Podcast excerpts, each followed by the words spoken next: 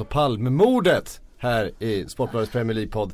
Vi rullar igång direkt. Eh, Kalle och Frida har insett att de har eh, något gemensamt.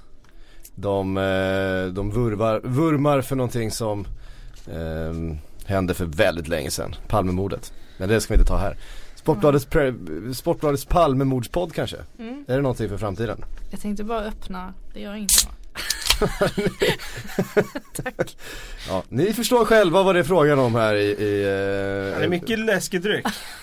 kan man säga. Ehm, Premier League och så vidare. Jag ska bara säga det för, eh, för eh, vi går vidare. Eh, nästa vecka kommer att bli lite speciell. Jag har stuckit ut med Erik Niva på vägarna och ställer ut tröjor. Eh, kan ju skryta lite med att vi har sålt slut premiären i Halmstad och vi har även sålt slut biljetterna i Göteborg. Eh, finns i Malmö och Norrköping, det är första veckan där och Solna och så vidare. Ni kan kolla upp det. Ehm, så, och du skulle vara bortrest också Kalle?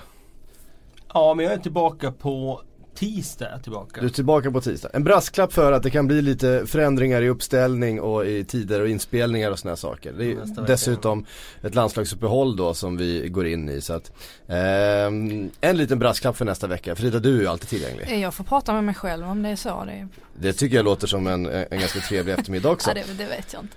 Ehm, vi måste väl börja i uh, stormötet. Kanske det största rivalmötet i, i ligan, Manchester United mot Liverpool. Ehm, ett eh, tränarmöte, taktikmöte, filosofimöte på många sätt. Eh, och ett eh, möte som Manchester United vann på nästan alla de här punkterna får man säga. Ja, elaka tungor skulle väl benämna det som den eh, roliga fotbollen mot den lite tråkigare fotbollen. Ehm, sen eh, kan man ju diskutera vad som är rolig fotboll egentligen. Ehm, Hur Men kul är nej. det att förlora?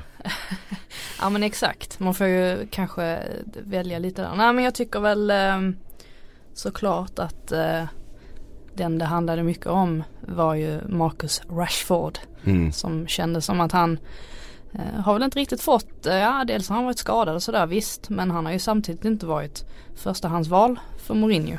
Ehm, jag tror att det var dels oerhört viktigt för honom själv att få den här matchen och få göra så pass eh, dels viktiga men också snygga mål. Men även viktigt för Mourinho för att någonstans så är det en ganska, ganska bra grej för honom när det kommer en, en ungdomsspelare från akademin och får avgöra den här matchen. Det, det blir ju extra speciellt. Och sen får man ändå tillägga att det första målet med de Gea med utspark, Lukaku med nickskarv fram till Rashford, vänder bort Trent och skjuter in bollen. Det, det var väldigt mycket Mourinho över det där målet på något sätt. Jag tror att han, han uppskattade det extra mycket. Mm. Ja, det var ett fint mål. Eh, och eh, Trent Alexander-Arnold fick ju, han köpte korv kan man säga. Den eh, vändningen från, från Ja, Rashford. jag köper i och för sig lite Klopp att när han väl kommer i den mot, alltså en mot en läget då är det ju Då är det ju inte lätt för han. Däremot Nej. så ska ju Trent se när nickskarven kommer att Att han måste falla in och täcka den Liksom Ytan som Dejan Lovren har Lämnat och det är väl där han gör, där tycker jag han gör sitt stora eh, misstag Just när det gäller det målet. Och sen tycker jag väl att det är ett lika stort misstag faktiskt när han vänder ryggen till när Rashford eh, prickskjuter in eh, 2-0 målet där. För det tycker jag att Ja visst man kan säga att eh, det är många som gör det men jag tycker det, det, det är för dåligt att man att se det så ofta att spelare inte täcker skott ordentligt istället för att liksom göra halvdant sådär. För då blir det så som det blev i det här fallet att Ja det är en liten touch får man på den men den sitter ändå.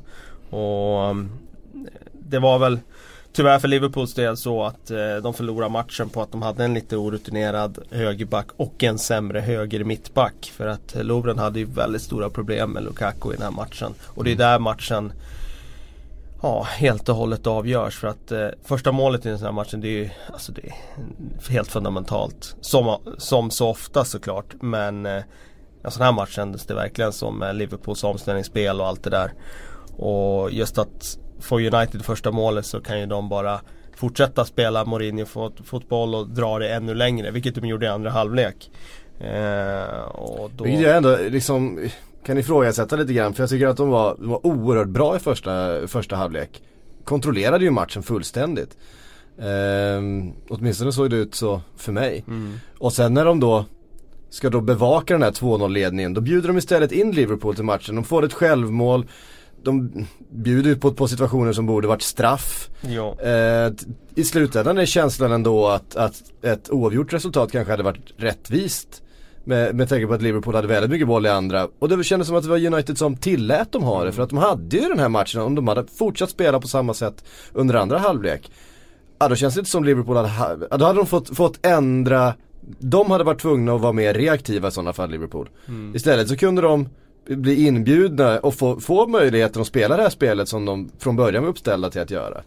Ehm, annars hade de ju fått skruva på mer. Jag, jag vet inte, det, det Jag tycker de är... de eh, gjorde för- lite lätt, lite lätt för Kloppen och även nu kommer de undan med tre poäng men, men med tanke på den omst, liksom. Jag tror att United, de är inte så trygga i sitt grundspel så att de bara kan trumma på i sådana här matcher. Utan har de 2-0 då, då blir det automatiskt i ett Mourinho-lag att då ska man försvara den ledningen. Och det är inte liksom den här eh, filosofin att man ska attackera, attackera och göra tre och fyra mål. Utan då är det liksom, ja men nu stänger vi till det och får vi något kontringsläge där man får chansen att liksom straffa en motståndare, ja då, då är det bonus. Snarare än att fortsätta spela på det som eh, var liksom framgångsrikt. Jag tyckte inte de spelade bra i andra halvlek alls. Och hade det blivit 2-2 så hade det ju inte varit något konstigt sett till att Liverpool hade ju ett par Ja, jag tycker Mané har ju ett jätteläge där när Bailly faktiskt täcker på ett väldigt förtjänstfullt sätt där. Han glidtacklar och täcker. Jag trodde ju Mané skulle avsluta lite tidigare där. Och då hade det ju varit väldigt farligt. Och sen eh, faktiskt eh, Salas eh, volleyläge där i slutet. Mm. Ja men 2-0 ledningar det var ju de som var tuffast att, att försvara. Eh, ja, men jag tyckte um, Mourinho efter matchen också, han var ju han är ju som han är men han var ju otroligt tydlig med att han inte bryr sig ett skit om vad någon tycker. Eh, om hans fotboll och hans sätt att eh, instruera sina spelare. Eh, så han kommer väl fortsätta göra det. Det är ändå heder åt honom. Så vet man inte om det beror på att han, hans begränsningar som, som tränare. Att han kanske inte får, att han inte kan spela på något annat sätt. Men eh, ändå heder åt honom att han, eh, han fortsätter hålla på sin linje i alla fall. Det får man säga. Mm. Ja. Nej, sen är det ju intressant det där med att det finns ju någon slags inneboende styrka och tyngd i det här laget eftersom de uppenbarligen tar så många poäng och ligger tvåa i, i ligan trots att Mm. de inte kanske imponerar. Men som sagt, jag har ju härlett det till att det finns så mycket individuell kvalitet och har man lagt de pengarna de har gjort nu under ett antal år så är det klart att du får in spelare som, som kan avgöra den enskilda matchen. Och det, det är snarare det än att Mourinho har gjort något förträffligt, tycker jag, när jag ser dem den här säsongen. Mm. Ehm, förstås mycket snack efteråt om, om domarinsatsen. Han eh, det kändes som han tappade framförallt på andra, i andra halvlek här. Det var ju en situation där Lovren eh, stod för två stycken glidtacklingar som var helt feltajmade. Båda två kunde gett liksom eh, två kort. Det blev en frispark utav det men det blev ingenting. Ehm, Det var väl lite kompensation då kanske för att det hade varit någon straffsituation innan. Ja och sen Fellainis tackling på, på Mané i, i straffsituationen där, där han Mm. inte alls är på bollen. Men jag måste försvara domaren där. När jag såg den eh, i realtid, då tyckte jag att Fellaini var liksom framför med kroppen. Men att han liksom hakade upp foten. Men sen när man såg på reprisen då, då, då var det ju straff liksom. Mm. Så jag, när jag såg den i realtid så var jag inte säker på att det var straff. Ehm, men så är det ju den här matchen. Det är, det är inte lätt att döma en sån här match. Det är oerhört intensivt och det, eh, det, går, det går fort som vi brukar konstatera. Eh, frågan är om det, det brann till hos en del på planen. Det brann även till hos en före detta Liverpool-spelare eh, på väg därifrån Precis, sen. Bara innan vi kommer Ja. in på den, eh, på tal om mittbackar, kanske ska nämna Bailly där. Ja. Som eh, eh, ja, inte har spelat sedan början av november. Kommer in och är en nivå eh, bättre än vad vi har sett i Uniteds försvar tidigare den här säsongen. Ja. Nu gjorde han ju ett extremt klumpigt självmål.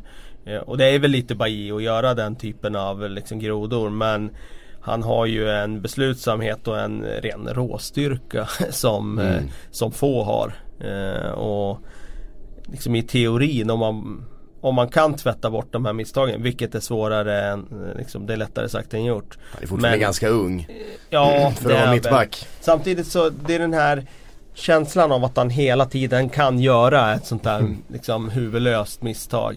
Eh, men kan han tvätta bort det då är det ju liksom en toppback i, i världsfotbollen utan tvekan för att han har ju både snabbheten, fysiken och sen är han ju inte så himla dålig med bollen heller faktiskt. Nej. Vad det handlar om uppspel och grundteknik. Frågan är vem som ska spela bredvid honom bara. För att det, det, det känns ju fortfarande som att Smalling, alltså det han är ju, det känns ju inte tryggt eh, när han är på plan eh, eftersom att han, han också kan göra lite hutlösa grejer och sen är han ju inte speciellt eh, skicklig med fötterna heller. Eh, Nej, Frågan är vad Småling är bra på just nu. Det är Samtidigt ju... måste jag säga, om man ska försvara honom lite, han var ju bättre i den här matchen och det, det, det, det sätter jag också på Bajis konto. Att, eh, alltså de som får spela bredvid Bailly tror jag kommer se bättre ut och det spelar ingen roll om det är Smalling, Jones eller Lindelöf. Så att, ja. eh, Just därför hade jag velat se Lindelöf Ja, det hade varit kul att se Jag tror det hade varit fantastiskt bra för Lindelöf själv Det också. tror jag också. Mm.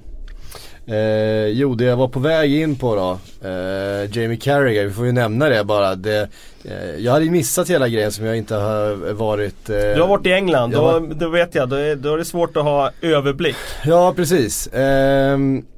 Men eh, ja, ska ju då ha ehm, spottat ut genom eh, fönstret, bilrutan på någon som eh, skrek utanför och träffat en, en 14-årig eh, Manchester United-supporter. Det var inte speciellt bra. Nej, det var den mest Eh. bisarra artikeln jag skrev igår i alla fall. Ja, det var du som skrev den? Ja. Ja. Eh, Ehm, Ja, han har alltså- gått ut och bett om ursäkt och sådär men det är klart att det är ett oförlåtligt jävla beteende. Ja men plus att han som, eh, han som häcklar ju pappan i familjen som, som häcklar honom. Eh, och det Ja. enda han säger i princip är ju liksom two on, two Ja. on, two on. Och det är, det är rätt oroväckande att Carragher låter sig eh, Ja, alltså att det brinner i huvudet på honom där. Alltså han är ju en han är ju en vinnarskalle. Ja, jo. men det ska inte, det är Men- han är en vuxen människa samtidigt. Det ska inte Alltså ett, Det är man, klart man att det spottar kan inte brinna folk. till men spotta på folk eh, ett par timmar efter att en match har spelats. Han har inte själv deltagit i den. Eh, det är en 14-årig tjej som sitter i passagerarsätet som eh, som träffas av det här nu då. Det, ah, det känns som att eh, det här var ett ganska grovt övertramp och jag tror att han har ganska, verkligen. ganska mycket ångest såklart idag. Ja, jo, Men det, det, det kan han ju ha. sen blir det ju värre konsekvenser tror jag här i Sverige. Alltså vi har en annan syn på, även om det blir stora rubriker i England också Ja det har såklart. det Så, så är det ju en, än värre här. Alltså just det här med att de stänger av honom från eh, Champions League-matchen i morgon blir det Mm. väl. eh, Där han skulle ha varit med. Eh, Det visar ju också att, att vi kanske ser ännu hårdare på det jämfört med engelsmännen. Även fast de nu liksom slog upp stort på det. Och, och Sky har ju också gått ut och, och kommenterat och sådär. Ja och det är väl inte avgjort än om man blir avstängd där borta heller. Det, han kan bli det där Mm. också. Så vi får se. Ja, vidrigt beteende faktiskt. Eh, kan man väl sammanfatta det med, tycker jag. Eh, mm, mm, det Vi hade fler matcher som spelades i helgen. Eh, Chelsea Palace spelades, eh, var den sena matchen på lördagen. Chelsea som behövde få en reaktion efter, eh, har blivit ganska hånade efter den här håglösa insatsen mot Manchester City förra helgen. Och, ehm, och som behövde få igång någon positivitet igen inför eh, returen mot Barca inte minst som är nu eh, till veckan. Eh, mötte ett Crystal Palace som ju inte har varit bra men som ändå gjorde en bra halvlek mot Manchester United senast men eh, det var ett det var ett annat eh, Chelsea den här gången man, eh, jag var på plats där och jag specialstuderade Conte under hela matchen. Jag hade honom snett nedanför mig så jag kunde se honom. Och det som har liksom skrivits mycket på senaste att han har varit lite loj, att han inte har varit så aktiv. Det var ju liksom raka motsatsen i den här matchen. Han var ju uppe och vevade på allt. Och det som är så roligt med honom är att det är som att han behöver det själv. Den här, alltså han är, så, han är så jävla uppe i varv. Så han står och skriker åt spelare saker som de redan gör. Så spelarna står och rycker på axlarna. Det var en sekvens, bollen var alltså ute. Eh, han står och skriker och viftar och viftar på, på Aspelekueta. Eh, och vill någonting och Aspelekueta, säger, vad, vad, vad står han och skriker om? Och då Eh, säg till Zappacosta att han håller bredd. Det är liksom väldigt ty tydligt med kroppsspråket liksom. Varpå Cesar vänder sig till, eh, till Zappacosta på andra sidan och säger ja, Håll bredden och Zappacosta men jag står ju på linjen. Han står ju så långt ut till höger han kan så han, han rycker på axlarna Aspelekueta svarar med att rycka på axlarna och så har Conte redan börjat skrika på någon annan. Så att han, är, han är ju oerhört intensiv alltså. Det är som att han, han, eh, han spenderar ju hela 90 minuter egentligen med att skrika åt spelarna saker. Både saker de ska göra annorlunda och bara, bara skriker.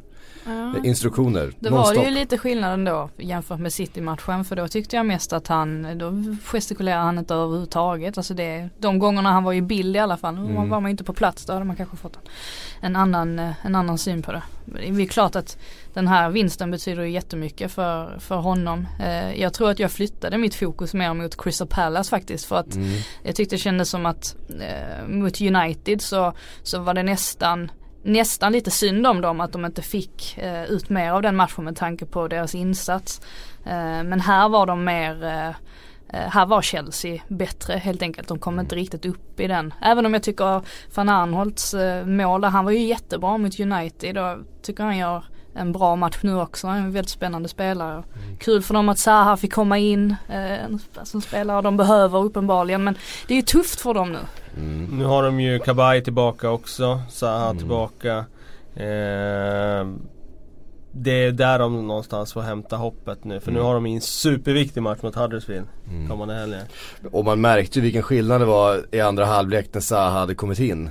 Det, man märker att hela laget vet att nu finns det en X-faktor på planen.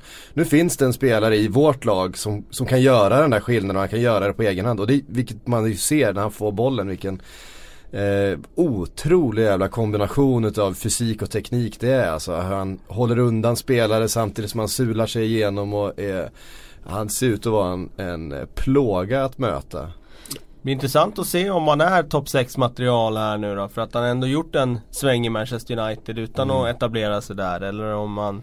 Jag för jag menar nu kommer han ju förmodligen flytta i sommar. Det utgår jag ifrån. Att ja. någon kommer ju nypa honom. Och då är det intressant att se om man kan ta det steget nu. Jag tycker det också var eh, Första halvlek, jag tycker Chelsea var bra i första halvlek. Mm. Eh, och det slår mig igen hur osjälvisk Hazard är. Mm. Alltså han får de där lägena där Många superstjärnor de, de sätter de bollarna själv och funderar inte ens en tanke på att spela. Men han sätter en boll i sidled när han är inne i, liksom i höjd med straffpunkten och mm. har läge att avsluta själv.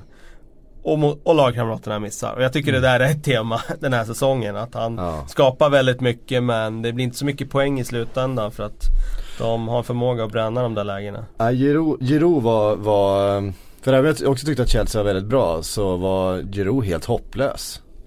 Um, det kändes som att det var en match som inte alls passade honom. Han kom liksom inte in i det och de här lägena väl dök upp. Han sa det väl efteråt också att han tyckte att målet såg mindre ut än vanligt. Um, det var bara, äh, det, det, det såg oerhört kantigt ut. Mm. Och eh, sen när, när Chelsea försökte gå på omställning och så här, då vet vi ju att det är inte Girouds styrka direkt. Han Nej. springer ju inte ifrån någon. Ja, precis. Jag måste, vill även lyfta ändå Alexander Sörlott. Eh, mm. För jag, jag, tycker det är fascinerande ändå. Vi brukar ju prata om det att steget från en skandinavisk liga till Premier League är enormt. Jag tycker ändå han har eh, han har axlat det ganska bra eh, och det mm. känns som att han kommer in i det Just första matchen, nu kommer jag inte ihåg vem de mötte då, då tog han lite felbeslut och sådär men det känns som att det blir bättre och bättre för, för varje match som går. Han, han ser väldigt, väldigt spännande ut. För, före Zaha kom in så, så var han ju den, eh, den bästa spelaren i Crystal Palace tyckte jag. Uh, och det var ju också talande att det var Benteke som fick gå ut istället för Sörlott när, när Zaha kom in. Um, så att han har ju uppenbarligen tagit sig förbi Benteke i, i uh, rangordningen där också. I alla fall så anses han passa bättre ihop med den uh, snabbe Zaha då. Ja, um, i alla fall så jag tycker det är, skulle Pallas nu åka ur så, så är det lite synd faktiskt för att det känns ändå som att Roy hade någonting riktigt bra på gång där innan alla skador uh, drabbade honom. Mm. Um, Kanté tillbaks gör ju jätteskillnad för, för Chelsea. Alltså, du var ju där så du kan ju berätta hur stora ytor han täckte. Ja det är ju helt sjukt alltså. och han springer. Han är ju överallt, vi satt ju bara Alltså det var det, det man sa till varandra, där är han igen liksom. Han, han, han, är, han är helt otrolig. Nu slog han det var ett ganska grovt felpass i mitten på andra tror jag. Eh, som gjorde att han, att han in, att när vi ändå diskuterade ihop oss vi som var där. Så valde vi ändå William till man of the match. Eh, för han var så oerhört bra i första halvlek. Men annars så var det nog Kanté för mig. Eh, som var bäst på plan. För att han gör ju nästan, han gör nästan allting helt felfritt. Eh, hela tiden. Han, han, han löper, han läser situationer så oerhört bra. Och när han är trängd så hittar han en väg ut och det är inte ofta så mycket kreativt liksom sådär men, men det, är bara, det är bara en trygghet. Han sprider ju ett lugn omkring sig för, eh, för sina medspelare och han, han är ju överallt. Det är som att vilken en 50-50 chans som dyker upp hos någon spelare så är, han, så är han ändå där, även om det inte är han som vinner bollen så är han tre meter eh, därifrån och kan liksom erbjuda trygghet och en, och en väg ut från en trängd Zappacosta eller en trängd eh, eh, Giroud eller vem det nu än är som, som är i en duell liksom eller som är, som är pressad. Så att eh, det är mer än bara det att han vinner boll, det är att han han är alltid tillgänglig för, för lagkamrater också med att han Han läser spelet så fint och han springer så oerhört mycket. Um, så det var första gången jag såg honom uh, live och det var, det var imponerande faktiskt. Nu ser man ju, då får man ju liksom en uppskattning för den här statistiken som man får efter varje match. Att han springer så mycket och täcker sådana otroliga ytor. Och på tv så uppfattar man ju inte alltid det för att eh, kameran filmar någon annanstans. Mm. Um, men det var häftigt. Uh, uh, um, Arsenal-Watford. Uh, den matchen var jag också på. Alltså du, ja du Ja, Vissa har en bra, bra helg. Du gjorde London. Jag gjorde London. Såg ni, innan vi går in på den, mm. såg ni någon match i de lägre divisionerna? Eller var det bara de här kommersiella Lyx, liksom, ja, lyxarenorna ni Det var besökte? inte det, det var inte, jag, hade, jag fick inte välja den här gången utan det var, det var någon annan som valde åt oss vad vi skulle gå och se på. Du var tvungen att lägga till det? Ja. Eh, nej det hanns inte med mer än, mer än två okay. matcher den här gången.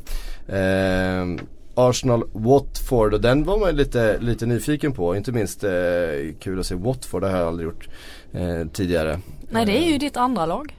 Nej, inte mitt. Ja den här säsongen så är det, det är väl Det var det så länge Silva var, där Det var det så länge Silva var där ja.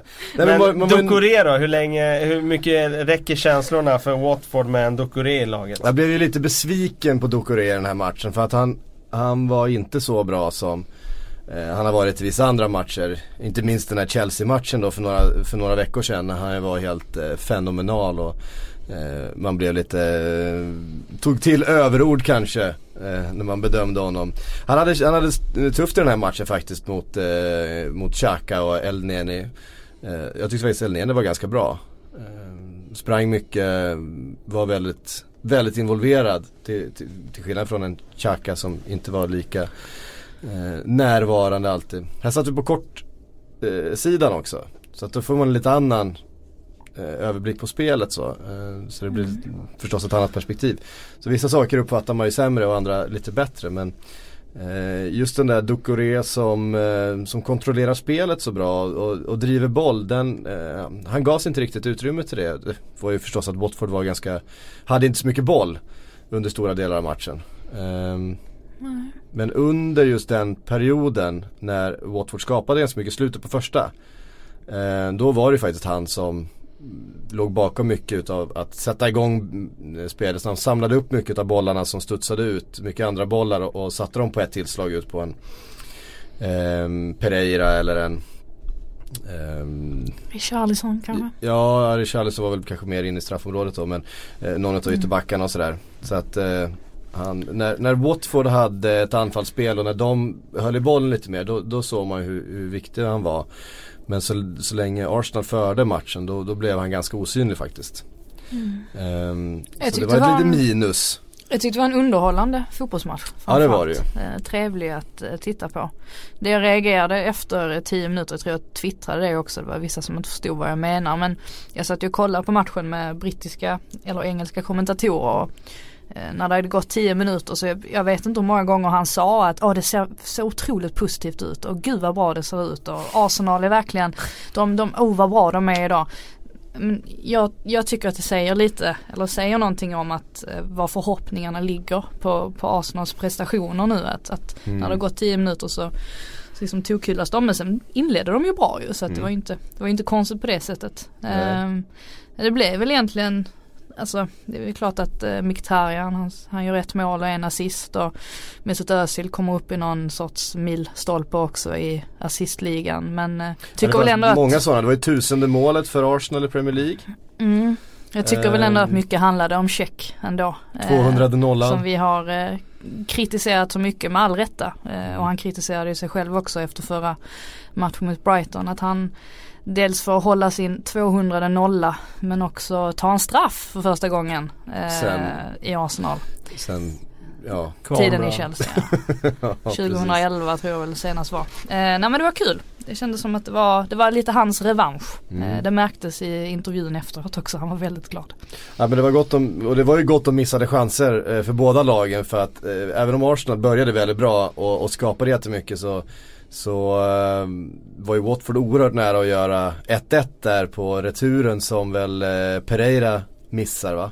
Efter eh, frisparken som Richarlison slår och det klart hade det blivit 1-1 där och det är ju mycket sådana där och sen har vi ju straffen då och det var väl enda gången, det är ju, det var ju många tomma stolar på Emirates så kan man ju säga. Det var eh, Det var ju mors dag också där. Det är ju en väldigt stor dag i, Ja. i England. Så det kan faktiskt ha spelat in. Ja för det var många tomma stolar och det var ju som det ju ofta är på Emirates, inte världens ljudvolym. Eh, Watford-supportrarna dominerade ju ljudbilden, förutom vid ett tillfälle. Och det var ju då när Troy Dini missade straffen och Troy Dini som ju har eh, uttalat sig rätt så negativt om eh, en del Arsenal-backar efter förra mötet eh, och har blivit lite hatfigur för många eh, Arsenal-supportrar. Då jävlar jublades det när han missade den straffen. Ehm, Ja, jag tyckte det var ganska rätt också. Jag, jag har svårt för sådana straffar som, som, som den straffen som Watford får där. Jag, jag tycker att det är, det är väldigt billigt. Även om det är klart att det är dumt av Maitland Niles att sträcka ut benet på det sättet. Men jag tycker samtidigt liksom, ska man få straff för allt? För, där vi satt så var det helt, så, såg det helt solklart ut. Det var ju precis framför oss där i, i, eh, i straffområdet. Sen så är det ju svårt att se när han springer mot den sådär men det kändes som han blir ju tunnlad och Ja, det är och, klumpigt och, sätter, gjort. och sätter Det är ut höften liksom. Ehm, Hey, I'm Ryan Reynolds. At Mint Mobile, we like to do the opposite of what Big Wireless does. They charge you a lot, we charge you a little. So naturally, when they announced they'd be raising their prices due to inflation, we decided to deflate our prices due to not hating you. That's right. We're cutting the price of Mint Unlimited from $30 a month to just $15 a month. Give it a try at mintmobile.com slash switch. $45 upfront for three months plus taxes and fees. Promo rate for new customers for limited time. Unlimited more than 40 gigabytes per month. Slows. Full terms at mintmobile.com. jag vet inte, det är svårt att se att han skulle kunna döma något annat än straff där. Men, eh, mm. Och sen när, när det blir 3-0 så är ju förstås eh, matchen över men eh, underhållande på många sätt och lite spännande ändå med, med tanke på de situationerna som, eh, som dök upp. Hur var upplevelsen då? Eh, ah, det var ju inte, det var ju ingen folkfest liksom. Det var ju inte det. Man märker ju man märker att Arsenal inte är inblandade. Alltså Premier League-poäng, det är inte, de är inte där och slåss om, om Champions League-platserna. Man märker att visst, det är klart att det jublas när det blir mål och så vidare men det är inte någon, eh, det är inget drag liksom. Ja. Nu vet jag inte hur mycket drag det hade varit om det var mycket mer som stod på spel i ligan. Men jag kan tänka mig att på torsdag när Milan kommer eh, och det är Europa League som det är det Arsenal på något sätt har kvar att spela för. Att det kommer vara en, ett annat tryck där inne. Eh, helt klart. Men det var ju eh, favorit, favoriten för Watford-supportrarna det var att shh, gjorde hela Watford-klacken då liksom för att det är ett bibliotek Mm. och så vidare. Ehm, var ju där med ett par Arsenal-supportrar också som satt och gnisslade tänder över detta. Ehm, jo värst. Ja. Eh, men en, ändå en stabil 3-0, eller ja 3-0 seger för Arsenal till slut ju. Det spelades en match till eh, igår, eh, Bournemouth-Tottenham. Där, eh, som jag inte har sett överhuvudtaget. Eh, men eh, man följde live-rapporteringen i appen och, och noterade att eh, Bournemouth gjorde första målet och då hajade man till lite grann och så gick det en stund så tittade jag ner i telefonen igen och så står det 4-1 till, till Tottenham istället. Så att, eh, Jag missade också den här matchen för jag hade egen match men jag har kollat på den lite i efterhand och det var ju eh, faktiskt ett Bournemouth som gasade från start och var bättre första 20. Hade en boll i ribban. Satte 1-0 målet. Eh, kändes spetsiga samtidigt som Tottenham kändes eh, ganska vilsna i försvarsspelet faktiskt. Och sen blir Kane skadad. Och där känns det ju faktiskt nattsvart för Spurs del. Eh, men lyckas vända ändå och vinna stort. Och det är ju faktiskt en enorm styrka för de har inte varit utan Kane så mycket den här säsongen. Och att han kliver av mitt i en match och att de vänder den matchen på det här sättet. Det, det är ju, måste kännas otroligt skönt för dem. Mm. Mitt i bedrövelsen såklart som det är att de förmodligen får vara utan Kane ett tag framöver. Mm. Jag måste, hur, oklart hur länge. Ja och Ali klev väl också av. Jag vet inte hur illa det var med honom men uh, det var nog inte lika illa som Kane. I jag alla fall. Uh, jag måste ändå säga att jag tyckte oerhört synd om Bournemouth efter den här matchen. Uh, särskilt vid ställning 2-1 till Tottenham när de faktiskt har en boll i mål eh, som döms bort helt, helt oförklarligt. Det var tydligen en knuff, jag tror det var Wilson va, som ska ha knuffat någon inne i straffområdet men tittar man på reprisbilderna så existerar inte den knuffen överhuvudtaget. Hade de fått 2-2 eller straff där och satt 2-2 då hade det blivit en helt annan, helt annan matchbild men Sen är det klart att Tottenham vinner ju välförtjänt. Eh, de var bättre i, inte de första 20 men de var bättre i andra halvlek. Eh, mm. Men samtidigt, man, man, kan inte låta bli att lida lite med Eddie Howe ändå. Man, ja, han skrattar ju lite också efter slutsignal för att det är så här, ja det var ju liksom hopplöst. Mm. Läge. Och två nya mål av uh, Heung-Min Son. Som mm. har hittat uh, superformer igen här efter skadan. Um, han gör ju mål på allt nu.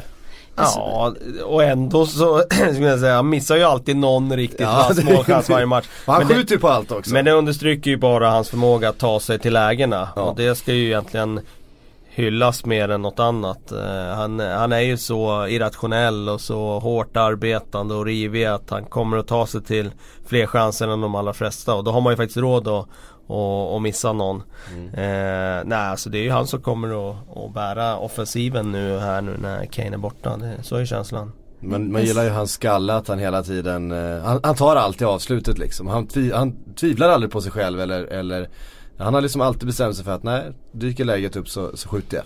Jag såg något lite tvivelaktigt skämt om att just nu så är eh, Son den näst farligaste, farligaste koreanen i världen kan man ju, kan man ju skoja till det där och tänka. Men han, han ska ju tona ner där borta nu säger han ju. Jag skulle inte de till Sverige och hålla eh, på neutral mark eh, möte? Möte, ja men han pratar ju om avveckling där så att eh, jag skulle nog säga att sån kanske sån, är den giftigaste just nu. Ja, absolut. Ja. Eh, det finns eh, vi får väl bli varse det. Det är lite i, förhoppning, i sommar, förhoppning i, också såklart. I, eh, i, i sommar. Då är ju Sverige mot Sydkorea. Det mm, blir eh, precis. spännande. Ja, jag sitter fortfarande och väntar på när det är eh, okej okay att börja köra den här att svensk hotet gjorde mål igen. Alltså man får köra det i rubriken liksom. Det borde vara okej okay, typ framåt, jag menar mitten på april eller sådär. Vi börjar närma oss. Mm. Va, vad jag inte gillar de där, alltså när man ska måla upp eh, motståndarländerna spelare till någon sån här albansk eh, liksom anfallare som spelar i någon andra liga någonstans liksom ska målas upp till ja. Neymar liksom inför en landskamp. Ja, jag kommer ihåg jag gjorde en sån vinkel en gång när vi skulle möta Kina. Eh, var det Dong som du skulle måla upp då eller? Nej men alltså det här var kanske fem år sedan. Eh, vi skulle göra ett uppsnack, det var jag, Robert Laul och någon mer, fan var det inte du Kalle? Jaha. Eh, vet, nej det kanske inte var det, det kanske var bank, eh, jag, jag, jag minns inte. Eh, och det var ett, kin, ett kinesiskt lag, vi, inte, alltså, vi visste inte om, vi kunde inte en enda spelare i laget liksom. Och de kom hit till Sverige. Eh, och vi, alltså, vi måste ju prata, vi måste ju prata om deras lag också liksom. Så vi började googla där och man, du vet, man hittade, det var någon som, de spelade i kinesiska ligan allihop liksom och sådär. Eh, och så hittade, hittade vi någon som hade gjort liksom, eh, han hade gjort 12 mål liksom den säsongen och det var halva säsongen in eller något sånt där. Och så kallades han för någonting liksom det, den ki- kinesiske Messi, Bat- Batistuta liksom. Ja, eller något det. sånt där. Han hade väl lite, eh, något liknande i sitt spel eller något sånt där. Ja men så vi körde stenhårt på den liksom så här att, Ja men det, det är liksom, det är honom vi får se upp med och vi gjorde den analysen och han satt på bänken hela matchen. Ja, så kan det gå. Ja. Ehm, jag hoppas att det TV, det, TV, TV-biten inte finns någonstans eh, faktiskt. Eh, West Ham Burnley. Ehm, ett West Ham som har ångest. Eh, hade ångest inför och har nog ännu mer eh, bryderier nu efter att ha förlorat på hemmaplan med 0-3 eh, mot Burnley. Ja, det var ju helt, helt bizarra, bizarra bilder som kablades ut Ja. eh, under den matchen. Och det som är framförallt anmärkningsvärt med de här som sprang in är ju att säkerhetsvakterna inte, det verkar inte bekomma dem överhuvudtaget att de är inne på planen. Såg du han som satt och sov? Eh, ja, precis. Såg någon bild där. Eh, jag menar när Mark Noble när han liksom får, måste gå fram och ta livgrepp på en, alltså en Ja. Planstormare. Då, då är det ju någonting som är, är snett. För oavsett om, om det här är en protest mot, mot klubbledningen så är det ju ändå fara för spelarna på planen om det Mm. kommer in folk helt plötsligt. Så att Nej, det underbetyg till West Hams eh, säkerhet för det första. Ja, underbe underbetyg till, till säkerheten, underbetyg till försvaret. Och kanske David Moyes inte... Betyg till egentligen alla. Alltså lagets insats var ju inte bra. Nej. Eh, men sen eh, får man inte blunda för underbetyget till de som har satt klubben i den här situationen Mm. också. Alltså klubbledningen. Eh, alltså nu blir det ju som att eh, de Ja Att man pekar på liksom det som skedde i den här matchen. Men det är ju en enskild händelse sett till vad som har pågått under flera års tid. Och, eh, jag hoppas för West Hams skull nu att det verkligen blir en, eh, en, eh, liksom en förändring i toppen. För att eh, jag tror att det här kommer tyvärr att eh, liksom eh, leda till att de dels riskerar att åka ur och sen vet man inte vad som händer. Just bara den här turbulensen som, som är just nu. Då, då kan det barka hela vägen ner och utför. För att det är klart att spelare och tränare känner att det, det bubblar så mycket under ytan. Ja. Eh, och det var så, det var intressant, jag såg en, en tweet, det var ett eh, av alla de här fotbollskontona som hade eh, räknat på en massa siffror och försökte då lägga fram caset att men titta Sullivan och Gold har ändå skött ekonomin bra och de hade olika argument sådär att de var trots allt liksom på nionde plats på kommersiella listan någonting så här på Forbes och så vidare så här. Och de la upp en massa sådana här, första svaret från en, från en West Ham supporter var bara For what? Ja och exakt. det var bara Alltså, så, det var bara så det att den hade så många likes liksom, det var bara For what? Ja. det, Ehm. för det är det som är grejen att det, är väl klart att de kan ha skött vissa bitar bra men allting grundar sig egentligen i den här flytten från Upton Mm. Park till London Stadium. Det är ju där det skaver på riktigt. Alltså det är ju vi pratade om atmosfärer och sånt på arenor. Jag, jag personligen tycker ju att den absolut bästa atmosfären var på Upton Park. I alla fall eh, när jag såg West Ham mot Millwall eh, för x. Det var ju, det där är ju Du har rätt match att ta ett skärsnitt. Ja men verkligen. Och sen är det klart att de har haft problem med sina supportrar. Det, det Ja. vet vi om. Vi vet ju historien bakom det. Men, men någonstans så, så eh, jag kan förstå det här med att supportrarna anser att en del av deras identitet har försvunnit. För mycket grundade sig ju i den här fantastiska känslan på Mm. Upton Park. Och nu är det någonting annat, någonting mer kommersiellt som inte är dem. Nej. Det är ju arbetarnas, det är ju arbetarnas klubb. Har man varit i området West Ham så vet man ju att det är ett väldigt sunkigt, väldigt nedgånget område som har ganska mycket kriminalitet och så vidare. Och det här är liksom deras, deras glädje i den här, ja nu tar man väl i när man säger misär men det är ju inte, det är ingen, eh, det är inget toppområde liksom om man säger så. Nej det är det verkligen inte. Ehm, just med tanke på Millwall där, man, man vet ju att, att eh, FA sitter och är lite bekymrade över att Millwall nu faktiskt har nu vann de i helgen igen och har Ja. nästan häng på en, eh, på en playoff-match här och att ett Millwall i playoff till Premier League det, det är nog inget som FA skulle tycka var sådär jätte Jättekul att behöva administrera. Ja, de, är helt, de är helt galna ju. Alltså var väl i, i playoffen till, till Championship som de höll på att riva halva, halva Wembley där de spelade. Eller för Var det så? Ja, alltså de, det var eh, slagsmål supportrar emellan, Millwall-supportrar emellan och ehm, Jag vet när jag bodde, jag bodde ju bredvid The Valley i Charlton under x antal år. Mm. Eh, och varje gång det var match, alltså när Millwall skulle komma på besök för då spelade de i samma, samma liga. Då, då fick ju alla flytta sina bilar liksom på, Mm. på gatan utanför för att annars blev de totalt förstörda. Det var liksom Var flyttar man dem då? då Fanns det någon sån här långtidsparkering två mil bort eller? Nej, jag fick det man köra upp ett par kvarter och Ja, ställa den okej. där Det istället. räckte så att det var, fall, ja. Så att det inte var på vägen till Ja, arenan det. liksom. Mm. Det, då, var, då fanns det ingen bil kvar efter det. Det är ju, det är ju helt jag, är rätt, jag, är rätt, jag är rätt övertygad om att, eh, att eh, FA inte vill ha upp Millwall i Premier League till exempel för att eh, det hade blivit en annan typ av narrativ kring de här lagen då som Jag har tvättat bort så mycket av det här som Millwall på många sätt fortfarande eh, dras med ju med eh, huliganer och våld och, och problematik runt klubben och då hade de ju dykt upp kring Premier League-arenorna förstås. Eh, man hade rivit en efter en. Ja, Eh, det, för det och kan då man hade det varit fokus på, på saker som det inte har varit så mycket fokus på i, i Premier League de senaste åren. De hade nog skrämt bort vissa åskådare med shoppingkassar i alla fall. Så, så mycket kan vi, kan vi nog Eh, säga. Kan man väl eh, gissa i alla fall. Newcastle Southampton. Mer ångest, mer ångest. Vem, eh, vem ska positionera sig inför eh, spurten här och ehm, ja, kudos till Newcastle som eh, tog den här oerhört, oerhört viktiga trean. Ja, Med tydliga 3-0.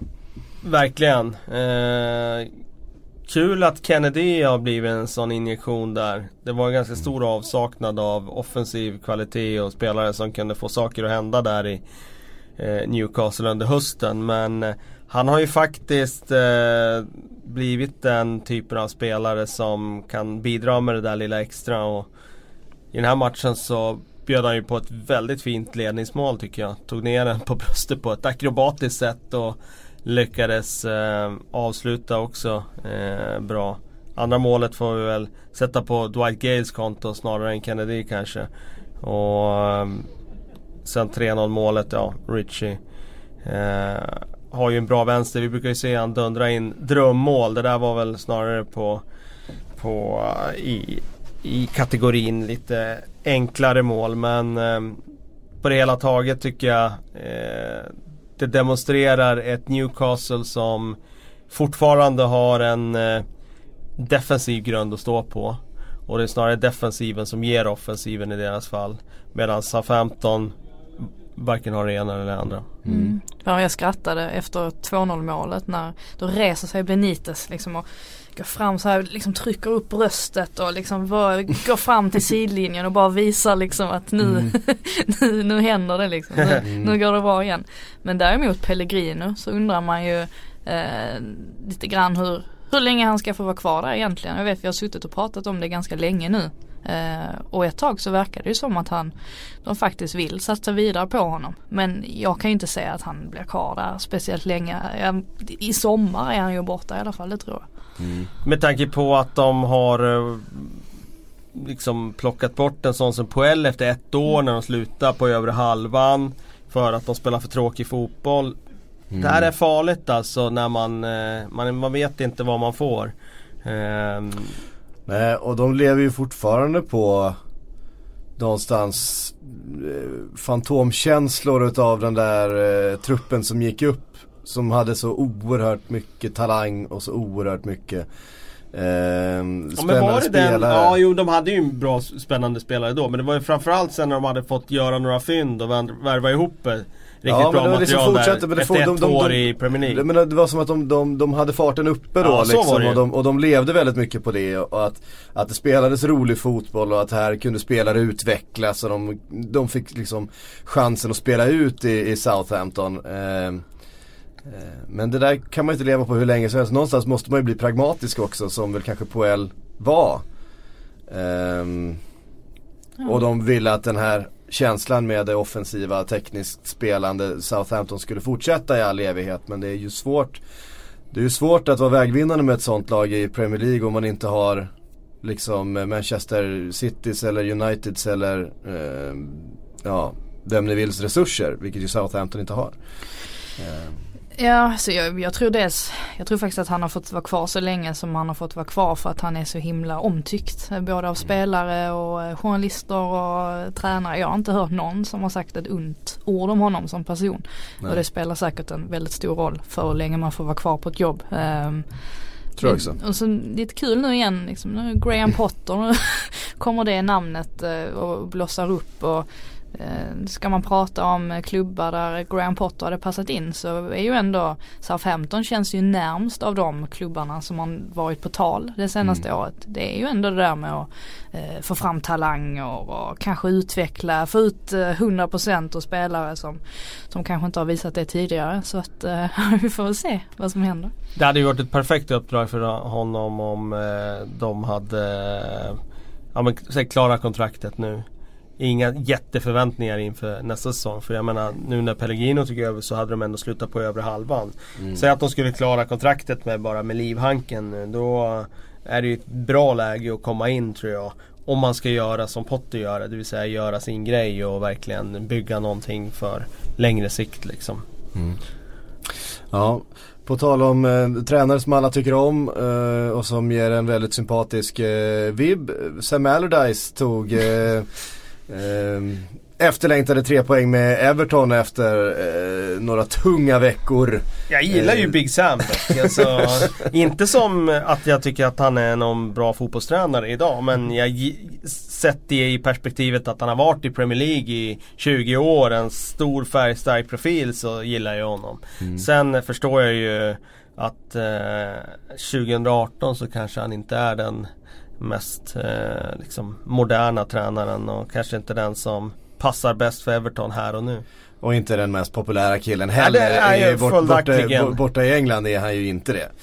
Eh, har ju Nej, jag tänkte lite på det med de här kaxiga uttalandena som han ändå gör som, som liksom splittrar hela Everton och supportrar och sådär oftast. Vilket mm. tänkte du på? Nej men han brukar ju efter, efter matcher antingen kan han ju säga att eh, Nej men i, idag så, så, så, skulle vi förlora. Vi hade liksom ingen chans. Alltså han är väldigt så här att han har inget filter. Eh, mycket. Det är ju väldigt sällan hans fel att det har gått dåligt när det har gått dåligt. Mm, precis, skyller och slår ifrån sig och skyller, skyller ifrån sig och det uppskattas ju inte av supportrarna. Eh, vilket man kan förstå. Men jag tänkte lite på det när jag såg MFFs tränare Magnus Persson i, eh, efter matchen mot eh, IFK Göteborg nu i helgen. Eh, så liksom, så sa han någonting i stil med att ja, det var en solklar seger, eh, vi spelar inte bra men eh, ja. Alltså han var väldigt så här lite men, kaxig och lite dryg och så. Men det funkar ju vara det så länge man har supportrarna bakom sig. Det är ju inte det som, alltså Big Sam har inte riktigt fått det. Alltså han, det, då funkar det inte att vara Nej. på det sättet som han är. Jag bara, bara gjorde den kopplingen. Mm. Men han hade ju, han var ju inget sådär populärt val från början. Nej, det där gör nej, mycket. Han, han kom ju inte in med, med, med vind i ryggen direkt. För det där gör ju väldigt mycket, det är väldigt svårt att vända en opinion så. Det är ju oerhört svårt. Mm. Å andra sidan så Magnus Persson, de tvivlar ju på honom också ju. Ja det var ju väldigt mycket tvivel där. Ja, lyckades ändå vinna över supportrarna. Ändå, vinner man fotbollsmatcher så går det rätt snabbt. Ja så är det ju. Så är det ju. Um, och det har inte Everton gjort uh, speciellt mycket den senaste tiden mm. men uh, seger mot Brighton eh, ja, viktigt. Nu tror jag Everton känns inte som de, som de kommer vara i, i nedflyttningsdiskussionen. Eh, men eh, man måste ändå ta sina poäng för att man inte ska vara det om, inom kort så är det ju. De har ju inte de är inte på helt säker mark. Jag känner ju spontant att jag som kanske trodde att Everton skulle komma och skrälla i år eh, mm. har lite fel på mitt tips. Nu så efterhand. Det får jag ta på mig får man stå för. för in, man måste ju, man måste, in, man måste ju ingick köra. det någon form av om de inte gör det så ska jag göra det här. jag hade här. önskat. Jag ja, det önskat. eh, precis, då hade de ju på, på sjätte plats före Liverpool där. Ja jag tänkte men jag, ibland ja, så får nej, man sticka jag, ut hakan annars kan absolut. man inte, man måste våga för att vinna. Ja liksom. absolut, nej men det, det håller jag helt med om. Ja, det kunde varit värre. det kunde varit värre. Jag hade, jag hade ju, det var förra säsongen jag hade Stoke eh, att utmana om topp 6 också. Så. Ja, ja. West Ham har ju också skrivit upp inför säsongen här senaste Man tänker att ja, men här finns något, nu är det deras tur och sen så Inleder de med nio raka förluster eller något sånt där ehm, Frågor då Brödernas PL Podcast har skrivit till oss. Eh, ska vi acceptera att hörnor innebär fasthållningar som egentligen borde vara straff? Eller ska domarna döma på allt tills det försvinner? Såg minst två uteblivna straffar i helgens toppmöte men det förekommer ju hela tiden. Avskyr att vissa regler ignoreras. Godtyckligheten regerar. Det enda sättet är att det kommer ett dekret från Fifa eh, håll. Att nu ska vi stävja det här. Och då gör man det oftast i samband med ett mästerskap. Att eh, nu ska vi verkligen sätta ljuset på det här och nu kommer vi börja döma på det. Och sen efter det får man implementera det någon annanstans. Eh, att domare eller liksom enskilt ska börja döma på det, det, det brukar inte funka. För då blir det en sån där godtycklighet och då har spelaren ingen koll på var ribban ligger. Och det är nästan värre faktiskt. Eh, så att eh, jag skulle säga, men jag skulle välkomna det för jag tycker att det är, det är för mycket slit och släp i straffområdet. Och jag skulle välkomna att man satte verkligen eh, fokus på att försöka få bort de här tröjdragningarna och liksom folk som agerar ryggsäck. Mm. Alexander Malm skriver Hur många danskar finns det i Premier League idag och varför finns det så många fler danskar än svenskar? Tillfällighet eller ligger vi så långt efter danskarna? Men finns det så många egentligen? Finns det så många? Eriksen och eh, Christensen. Ja, Schmeichel, Schmeichel. Lussel, och sen eh, den här eh, Sanka. Sanka mittbacken. ja. Billing. Ja det är ett gäng. Jo, Jo. men det är ändå spelare på de lite, alltså det är ju bara egentligen två som tillhör den absoluta. Supermånga. Det finns säkert ju- Höjbjerg. Ja. Då är ju Nor- Det är alltså. Norge också ett par. Ja det är några Men stycken där. Vi har inte så många om man säger så. Nej, Martin Olsson Zlatan.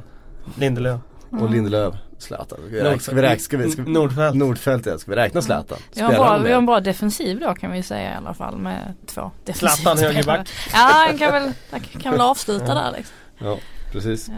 Eh, Jag såg Eh, Zlatan som mittback på en landslagsträning en gång. Det var fakt- faktiskt kul att se. Eh, det var sjukt roligt. På stadion en gång. Eh, det var en sådär lätt eh, lekfylld träning och han klev ner och spelade mittback i, i lite spel. Han ville ställa offside hela tiden. Sjukt roligt att se var det. var, ja, det är typ typiskt en forward som ska Ja. ner, han, han eh, har levt på andra sidan den där offsidefällan helt liv, då ska han göra det själv liksom. Det är svårt att ställa offside. Det kräver känsla och timing. Beror på situation och vilka man spelar med. Ja det är ju svårt när de andra inte gör det. Det är svårt att göra själv. Verkligen. Eh, Alexander eh, Numerius eh, skriver, bara en kul fråga. Vad tycker ni skulle vara roligaste scenariot? Mourinho och United gör Guard of Honor för City inför derbyt. Eller att Mourinho förlorar titeln matematiskt mot Pep i derbyt. Jag gissar att den här killen är Manchester City-supporter. Ja, båda tankarna, jag är förstår tilltal- ju. är tilltalande, det är ju lite roligt alltså med att eh, Guard Man vill ju Guard se Mourinho hade i en Guard of Honor alltså. Det, Ja. det är klart att det smärtar för honom. Sen... För att förlora den matematiskt, han kan man ändå- bara säga men vadå tiden har varit förlorad länge, Ja. vadå matematiskt eller Precis. inte liksom. Det kan han bara slå ifrån sig. Men att, att han var, ska vara tvungen att stå där och applådera Pep när han går in.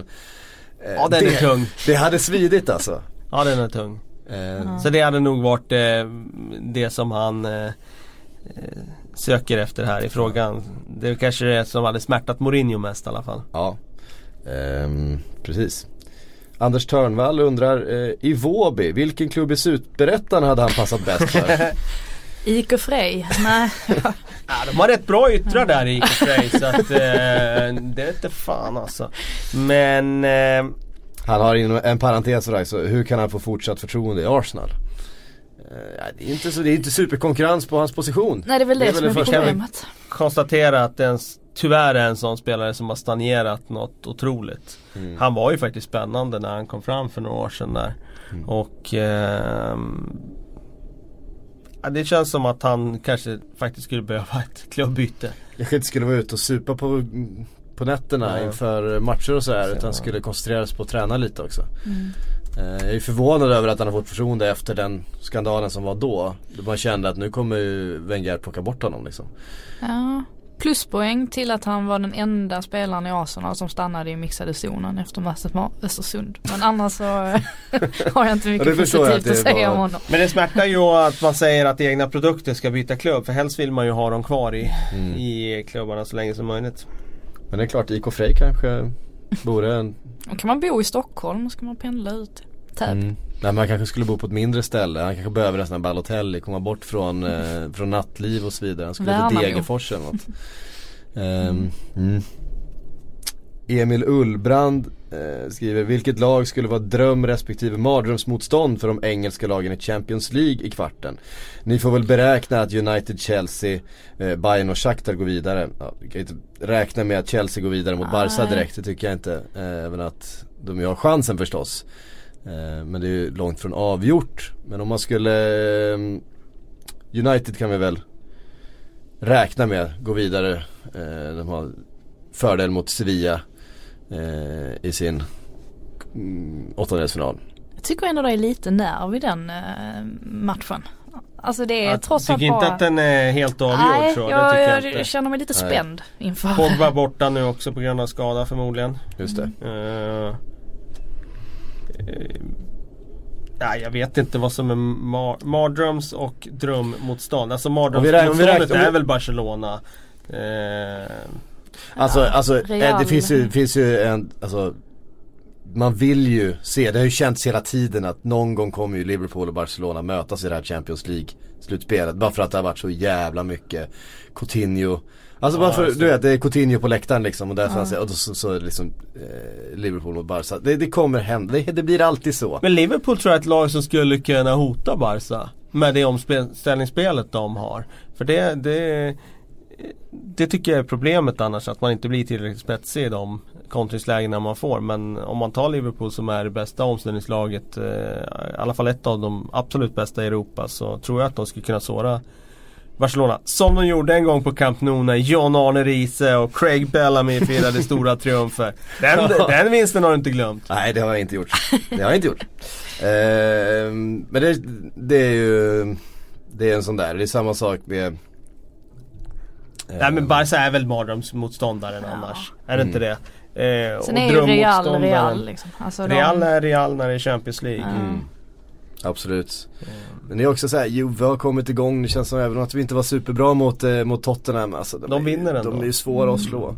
Det var ju som någon sa där, alltså du kan eh, Ett italienskt lag kommer aldrig slå dig. Men du kan förlora mot dem. Nej, det, det ligger ju lite i det. Eh, och det var, så var det ju verkligen med, det var, Juve slog ju inte eh, Tottenham. Men Tottenham förlorade mot dem. Ja. Det var lite så här lite den känslan. för mig har Bayern gått lite under radarn. Det Men gör- jag det tror att de gjort. blir betydligt farligare än vad man tror på Absolut. förhand. För de har ju de har sett bra ut under Jupp. Och då säger jag så här då.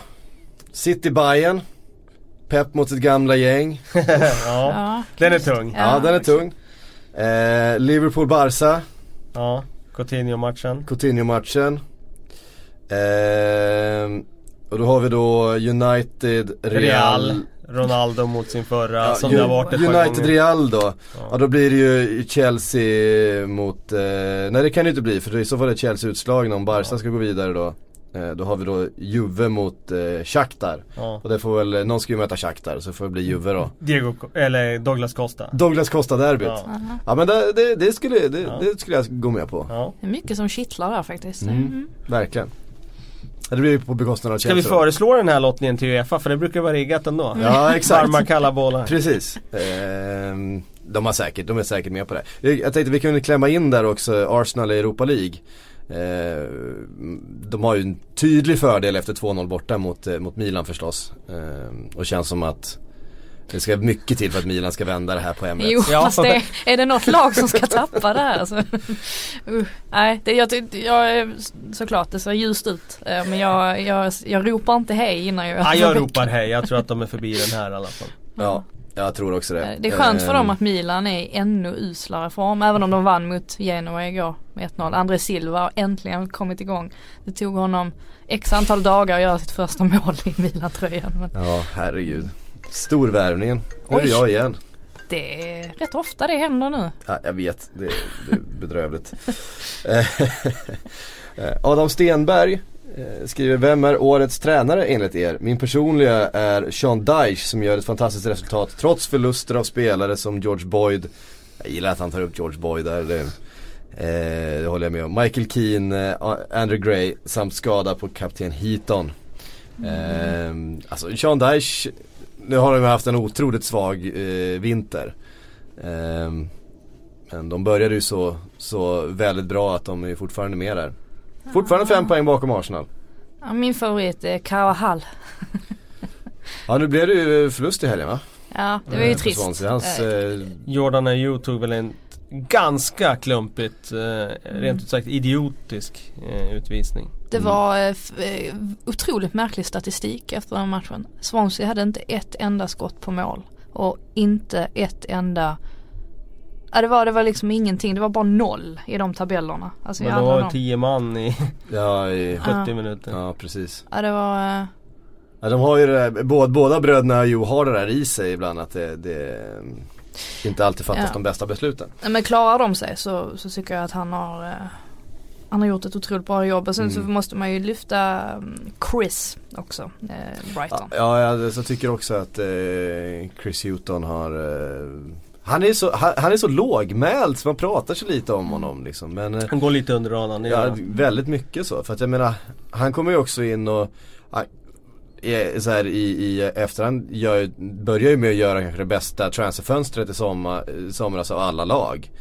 Alltså för att det är ju hans det är ju nyförvärven som har kommit in och gjort det här laget Premier League-mässigt. Mm. Men ni har inte nämnt den Nej, är bästa tränaren i ligan för Ja, mig, Pep Guardiola. ja, Ja, världens, värld, som ju är Ja. världens bästa tränare just nu. Det får liksom. Och Det är en sån självklarhet så att man eh, Ja, alltså för mig är han ju solklar detta och Ja. där, där brukar jag annars tycka att eh, det ska inte automatiskt vara den som vinner ligan som får det där priset. Utan man ska se förbi det. Men i det här fallet så tycker jag att det är han som har gjort mest när det handlar om att utveckla laget, spelet, spelarna. Eh, så att för mig är han given som eh, etta. Mm. För jag, alltså det är ju den här diskussionen med, med Manchester City och man är såhär, ja men. Det är ju alltid ja men när det är Manchester City. Ja men de har köpt, de har alla pengar i världen. Ja men de har en jävla skurkstad, st- skurkstad som, som finansierar allt. Men, men jag blir ändå så här, men jag vill ändå säga att sportsligt så är han ju inte den första som har haft de här förutsättningarna. Det, vi har, ju- alltså, vi har, det har ju funnits andra lag som har suttit med obegränsade tillgångar i omgångar. Manchester City tidigare under andra regimer. PSG, Chelsea eh, och projekt. Men det är ju ingen som har fått ihop det på det här sättet som, som Guardiola har fått. Det, är alltså det han gjort nu är Nej, ju och det är ändå... ingen som har spelat i närheten av den här fotbollen som de gör. Nej. Och det finns ingenting som säger att de kommer, alltså det ser man ju nu när de har börjat tacka nej till spelarna på sistone att de inte är beredda att gå upp i vissa summor. Det visar ju någonstans att de tänker kanske inte pumpa in så mycket pengar längre. Alltså att det var en summa från början liksom som Pep fick, fick jobba med och nu är det mer liksom strama tyglar eftersom man har lagt så mycket. Så att det visar ju också kanske att det, det fanns ju en långsiktig plan med det hela. Mm. Um, det är också roligt här när, vi- när man pratar eh, finanser och så här. Jag såg en lista, det, kan, det, det var väl visserligen då förra eh, årets siffror eftersom det är de man, man har nu då. Jag vet, hur mycket skulder klubbarna har.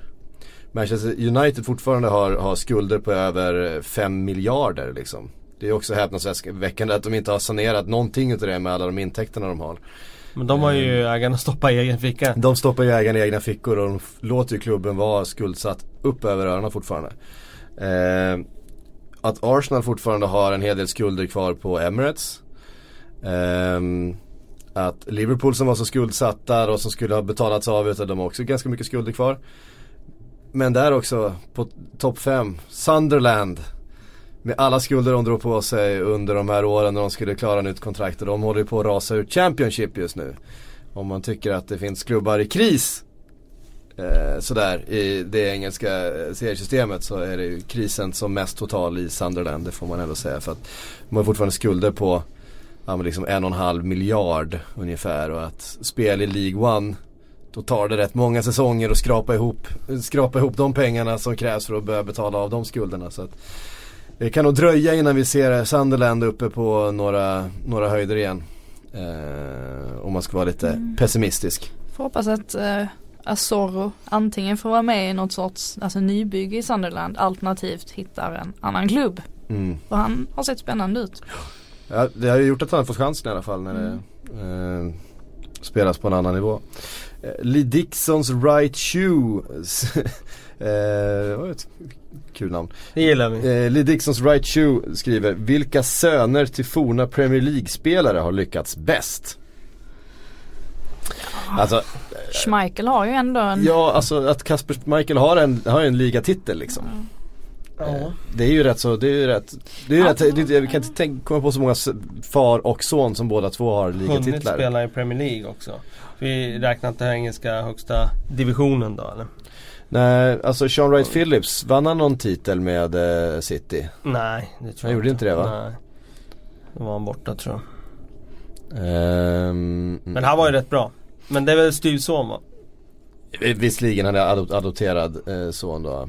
Ehm, han, eh, han adopterade honom så att det är ändå hans son. Det, vet du vad det sjuka är? Sean Wright Phillips son spelar nu i engelska U17-landslaget. Ja det är sjukt. Hur gammal känner du dig Kalle? Ja det är sjukt. Det är Alltså- helt sinnes. Ian Wrights sonson Ja, spelar alltså i U17-landslaget. ja det är Mm. Det var en, en smärre chock att höra. Så gammal är väl inte Sean Wright Phillips? Är han lika gammal som oss? Eh, Han är faktiskt äldre än vad vi är. Nej det tror jag inte han är du. Nej. Jag tror han kan vara 81 Ja, i han så kan fall. vara 81 där. Han är 81 Men då har han ändå, shit, ett barn som är 17 bast. Ja, han var 20 när han fick eh, barn. Det är, ingen, det är inte ovanligt för fotbollsspelare att de blir pappor tidigt. tidigt. Eh, alltså, Har han snabba, samma snabba Muskelfiber. Ex- ja exakt. han var oerhört snabb i början där. Eh. Sannerligen. Jävlar vad fort det gick. Ja. Eh, var- sak, vi saknade vissa andra aspekter utav spelet men, men eh, Han var ju snabbt, riktigt bra ett tag. snabbt rakt fram kunde han springa.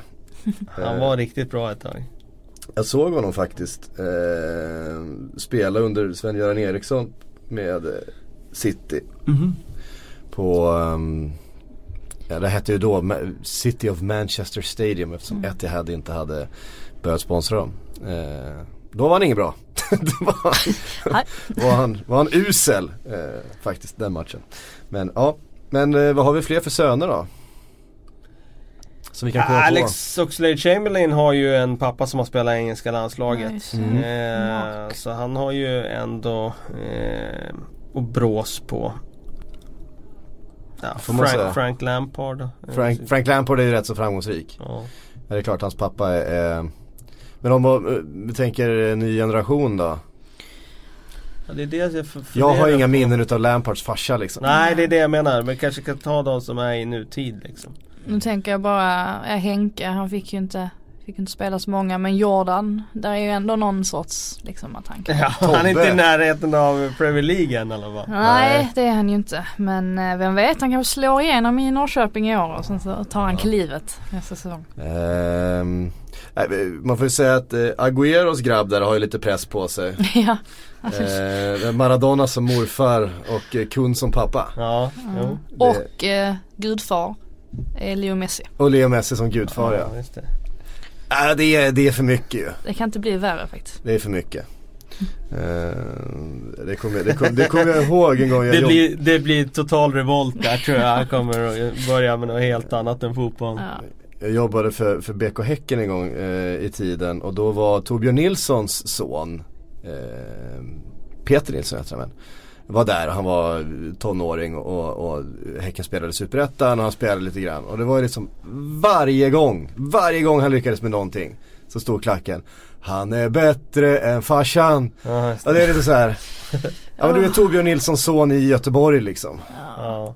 Det, det, det spelar nästan ingen roll hur bra, alltså det, det måste ju vara ett jävla ok det här att ha en farsa som har varit väldigt bra. Då är det ett ok. Och framförallt om det då är Torbjörn Nilsson i Göteborg där han är ju liksom gud verkligen. Eh, vad måste man själv uppnå för att sluta vara, alltså Kasper Schmeichel, även om han har vunnit titlar så är han fortfarande Peter Schmeichels grabb liksom. Ja det var väl under det där gyllene året som han inte var det. Då var, fick Ja. han vara Kasper. Nu är han väl tillbaka på tyvärr att vara Petersson igen.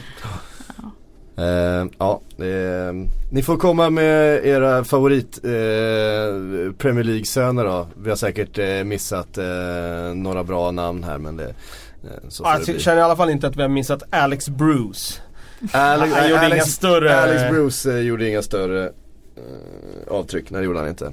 Han blev aldrig lika bra som farsan. Nej. Hörrni, eh, tack för att ni har lyssnat. Eh, vi får väl eh, då återigen brasklappa lite grann eh, för nästa vecka när inspelningen blir. Eh, Fredrik Jönsson kommer nog hålla i, i skutan den veckan när jag Det har blir senare än tisdag i alla fall då. gett mig iväg. Ja precis. Ehm, sådär. Så håll utkik, följ oss i sociala medier för fortsatt information. Eh, tack Kalle, tack Frida. Eh, så